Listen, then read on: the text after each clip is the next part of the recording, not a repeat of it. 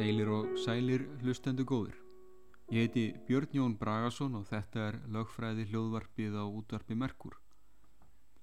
Þá er komið að síðasta þætti þessar þáttaraðar, 14. þætti, en hann fjallar um erðir.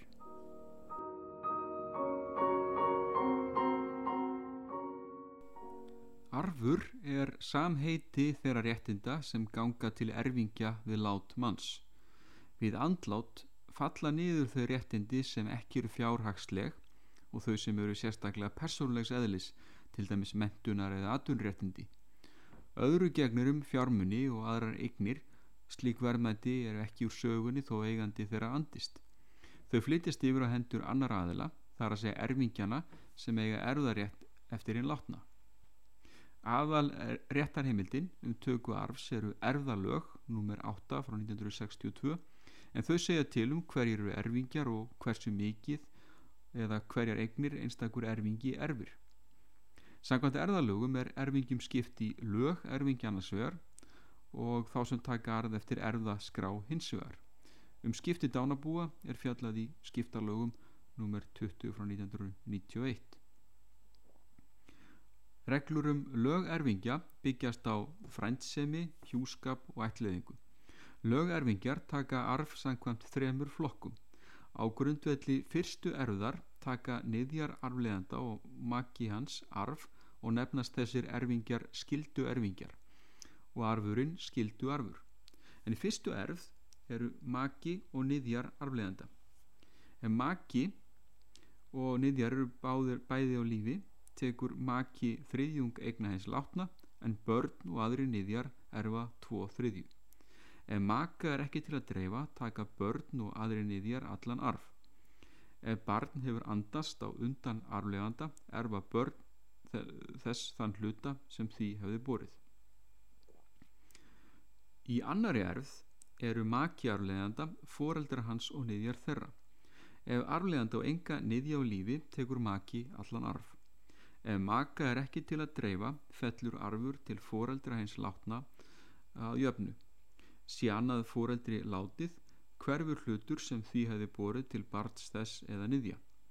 Eigi hefði látna fóreldri enga niðja gengur hlutur þess til hins fóreldrisins ef báður fóreldri arfleganda eru látnir taka börn og aðri niðjar hvors fóreldris um sig þann arf sem því hefði borið ef annað fóreldra á enga niðja á lífi hverfur allur arfur til niðja hins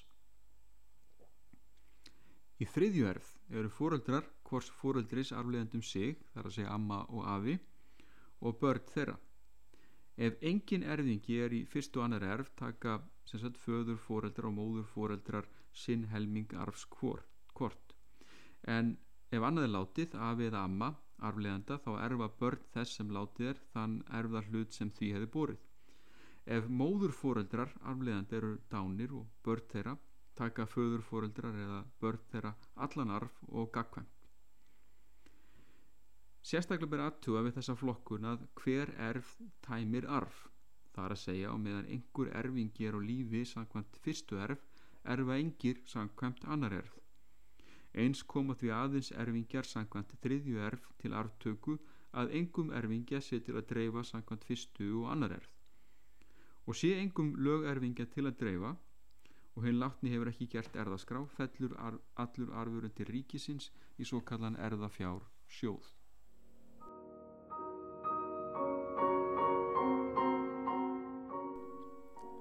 Þegar um arfleiðslur að ræða byggist erðaheimildin ekki á lögerðareglum heldur á erðagerningi arfleganda sem kallast erðaskrá. Þó erðaskrá geimi ákvarnatöku um ráðstöfun eignamanns gilda ímsuleiti aðra reglur um hana en fjármálagerninga almennt. Einstaklingur sem orðin er 18 ára gammal eða hefur stopnað til hjúskapar yngre en 18 ára getur aldurs vegna ráðstafað eignum sínum með erðaskrá ef hann er svo heill andlega að hann er færum að gera slíka ráðstöfun á skinsamlegan hátt. Undatekning er þó að eigi arfleifandi maka eða niðja á lífi er honum óheimilt að ráðstafa meira en þriðjungi egna sinna með erðaskrá. Í þessu sambandi er gaglegt að líta til dóms 1900, frá 1998 sem byrtist á blaðsjöðu 1134 í dómasafnum þar, það ár. En þar voru atvik þau að deilur höfðu rísið með um erðaskrá konu sem átti enga skilduerfingja Sankvæmt erðaskráni skildi kattavinnafélag Akureyrar erfa allar eigur hennar. En kattavinnafélag Reykjavíkur ella yrði hið fyrrnemda félag lagt niður. Hvorugt þessara félaga hafði nokkru sinni verið til, en Kattavinafélag Íslands gerði tilkall til arsins. Hæstiréttu félst á að svo krafa veri lögmætt enda í samræmi við vilja arfleganda og e- að eignir, eignirna rinnu til velferðar katta og lögerfingjar fengu því ekki engan hluta arfsins. Ímis formskiliði eru gerð til erðaskrár til þess að hún sé metin gild Hún verður að vera skrifleg og arflegandi verður ímest, arflegandi verður ímest að undirrita hana eða kannast við undirritur sína fyrir lögbókanda eða tveimur arfleðslu vottum. Þegar vottað er um erðaskrá er þess sérstaklega getið hvort arflegandi hafi verið svo andlega hill að hann hafi verið færum að gera erðar ástofun. Arfleðslu vottar verða að vera orðnir átjónara, þeir skulu vera áreðanleir og megi ekki vera skildir eða mægðir arfleganda. Erðaskrá er ekki bindandi fyrir afleganda, hann getur hvena sem er breytt henni eða aftur kallað. Það er kallað gagnkvæm erðaskrá eh, sem hjón nota sér gjarnan, eh, þá geta makar ákveðið hvor eh, í sinni erðaskrá hvað skuli verða um búið að hinnu látnu. Sömu kröfur eru gerðar um form slíkra erðaskrá og hér gilda einnig reglurnar um takmarkunar ástöfun eigna með erðaskrá vegna skildu erfingja gagkvæma erðaskrá gera engum hjón sem eiga börn sem ekki eru jáfnframt börn hins. Oft fjallast líka erðaskrá um óskins skamlífar um að hitt fáið að sitja í óskiptu búi og að ef ekki veru orði við því þá skuli sá langlífari fá þriðjung eignana í sinn hlut eða þann hluta sem heimilt er að ráðstafa með erðaskrá. Skilt er að tilkynna um andlát til síslumanns í viðkomandi lagsagnar um dæmi eigi skipti að fara fram hér á landi eftir þann látna. Þessi skilda snýr umfram allt að þeim sem kallar til arfs eftir þann látna. Eftir tilkynningu til síslumanns gefur hann út vottorð og má prestur eða annars sem annars, annars, annars útföruna ekki láta hann að fara fram nema hann fái vottorðið í hendur. Haugtækið dánarbú er heiti á lögpersonu eða ópersonulegum aðila að lögum sem verður til við andlát manns og tekur þá við megin þorra réttinda hans og skildna. Ef erfingjar eru fleirin einn að eftirlátnum eignum hins látna þarf að skipta þeim á milliðra. Fyrst verður að greiða skuldir sem kvildu á hinnum látna nefn erfingjandi taki á sig ábyrð á þeim. Greintir á milli skipta meðferðar eftir því hvort um enga skipti eða ofinber skipti er ræða og ofinber skipti er ímist skulda viðgöngubú eða skulda frágöngubú. Eftirlefandi maki getur óskað eftir því að frestað verði skiptum á búeins látna. Ótímabundið séu skilriði fyrir hendi samkvæmt skiptalögum og það kallast að fá leifi til setu í óskiptu búi. En við fráfall annarsjóna þá getur, uh, getur hinnu að fullnaði ákveðnum skilur verið heimilaða halvu síslumanns að fresta skiptum á búi hins skamlífara það er það sem við köllum að sitja í óskiptu búi. Þetta þýðar að langlífara maki þarf ekki að skipta upp búinu gera erðaskipti milli barnahjónana svo framalega sem hinn látna hafi ekki mælt svo fyrir um í erðaskrá að búskildu, búskipti skildu fara fram. Ef hins verði látna á ófjáráða niðja á lífi sem ekki eru niðjar hins á það hjóna sem er á lífi rétt á að sitja í óskiptu búi ef þeir sem fara með lögur á þeirra veita samþyggi sitt en það hafi hinn látni maki ekki mælt svo fyrir um uh, í erðaskrá að skipti skuli fara fram.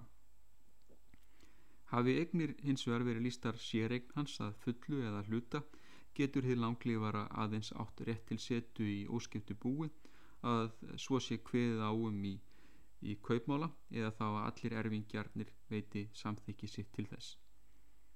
Því hjóna sem lengur lifir er ætið heimilt að sitja í óskiptu búið með fjárraða stjúpniðjum sínum en fyrir veita samþykki sitt til þess. Þá á langlífari maki rétt til setu í óskipti búi með stjúpniðjum hvort sem þeir eru fjárraða eða ófjárraða ef hinn látni hefur mælt fyrir um það í erðaskrá. Sé bú hins langlífari maka undir gjaldrótaskiptum eða makin sem eh, lengur lifir sviftur lögræði verður ekki veitt leifi til setu í óskiptu búi.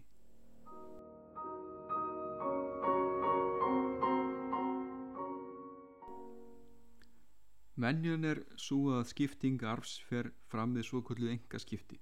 Með því er átt við að erfingjarnir skipta búin að milli sín eftir samkómulagi. Aðal skilirðið fyrir því engaskipti séu heimil er að erfingjarnir lýsi sig ábyrga fyrir þeim skuldum sem henn látni kann hafa látið eftir sig. Eh, er þá um að ræða svo kallað óskipta ábyrg. Þar er erfingjarnir eru ábyrgir fyrir öllum skuldunum án tillits til hvað þeir erfa. Annað skilirði er að erfingjarnir séu sammála um að enga skipti fari fram. Sérkver erfingjana getur krafist ofinbera skipta. Sé einhver erfingjana undir lögaldri eða hefur verið gerður ómyndur verða sömulegis að fara fram ofinbera skipti. Kostnaður vegna ofinbera skipta getur verið verulegur og er þá þóknun til skipta stjóra einifalin. Þegar ástæða til þess, um, ástæða til þess er að fara fram ofinbera skipti er svo að skuldastæðan er ekki ljós geta erfingjarnir tekið við búinu að nýju eftir að skiptaretturinn hefur gert yfirlit yfir skuldastöðuna og skipt búinu á fósendum engaskipta þá lækkar kostnæðurinn verulega. Þegar um ofinberð skiptarræða skipar hérastómari skiptastjóra sem annars skiptingu búsins eftir að áður sé til þess að skuldir hins látna hafi verið greitar Ef erfingjarnir gangast við skuldum hins látna kallast dánarbúið skulda viðgöngubú og þá kvílir engin skilda á skiptastjóra til þess að gefa út innköllun. Ábyrð erfingjana á skuldum hins látna er sjálfskuldar ábyrð á sama hátt og ábyrð þeirra sem þegar skiptir engaskiptum. Hvað ábyrð erfingja snertir á skuldum bús þar sem skuldir eru umfram eignir þá geta þeir líst þegar yfir að þeir taki ekki ábyrð á skuldum þess og er þá rætt um svo nefnt uh, skulda frágöngu bú. Það er ofta ástæða þess að ofinbæra skipta er óskað því að engaskipti, við engaskipti taka erfingjar uh, ábyrð á öllum skuldum búsins. Með skulda frágöngu bú er farið eins og um gjaldrótt sé að ræða og skuldareigundu verða að lýsa kröfum í búið. Um erðafjár skatt gilda lögnumur 14 frá árunum 2004 Samkvæmt þeim ber að greiða 10% erðafjórskatt af öllum verðmættum sem útlutað er við skipti á dánarbúi manns til erfingja. Mat á verðmætti egna miðast við dánardag arfleganda. Þó er ekki greitur erðafjórskattur af fyrstu 1,5 miljóninni af skattstofni dánarbús. Maki er þó undan þegin erðafjórskatti og sömulegði sambúðarmaki sem stofnað hefur til óvíðurar sambúðar við arfleganda og tekur arf eftir hans samkvæmt erðaskrá þar sem stöðu hans sem sambúðamaka arfleganda er ótvírætt getið. Samkvæmt erðalögum er ekkert vitil fyrir stöðu að arfur sé greitur erfingjum í lifandi lífi arfleganda það nefnist fyrirfram greitur arfur. Að fyrirfram greitum arfi greiðist 10% erðafjórskattur án skattlesismarks og kemur ekki til frekari skattlagningar af þeirri egna yfirfærslu síðar. Þá er þessum síðasta þætti lokið 14. þætti í þáttariðinni lögfræði lögvarpið Fökk þeim sem hlýtu í Guðs friði.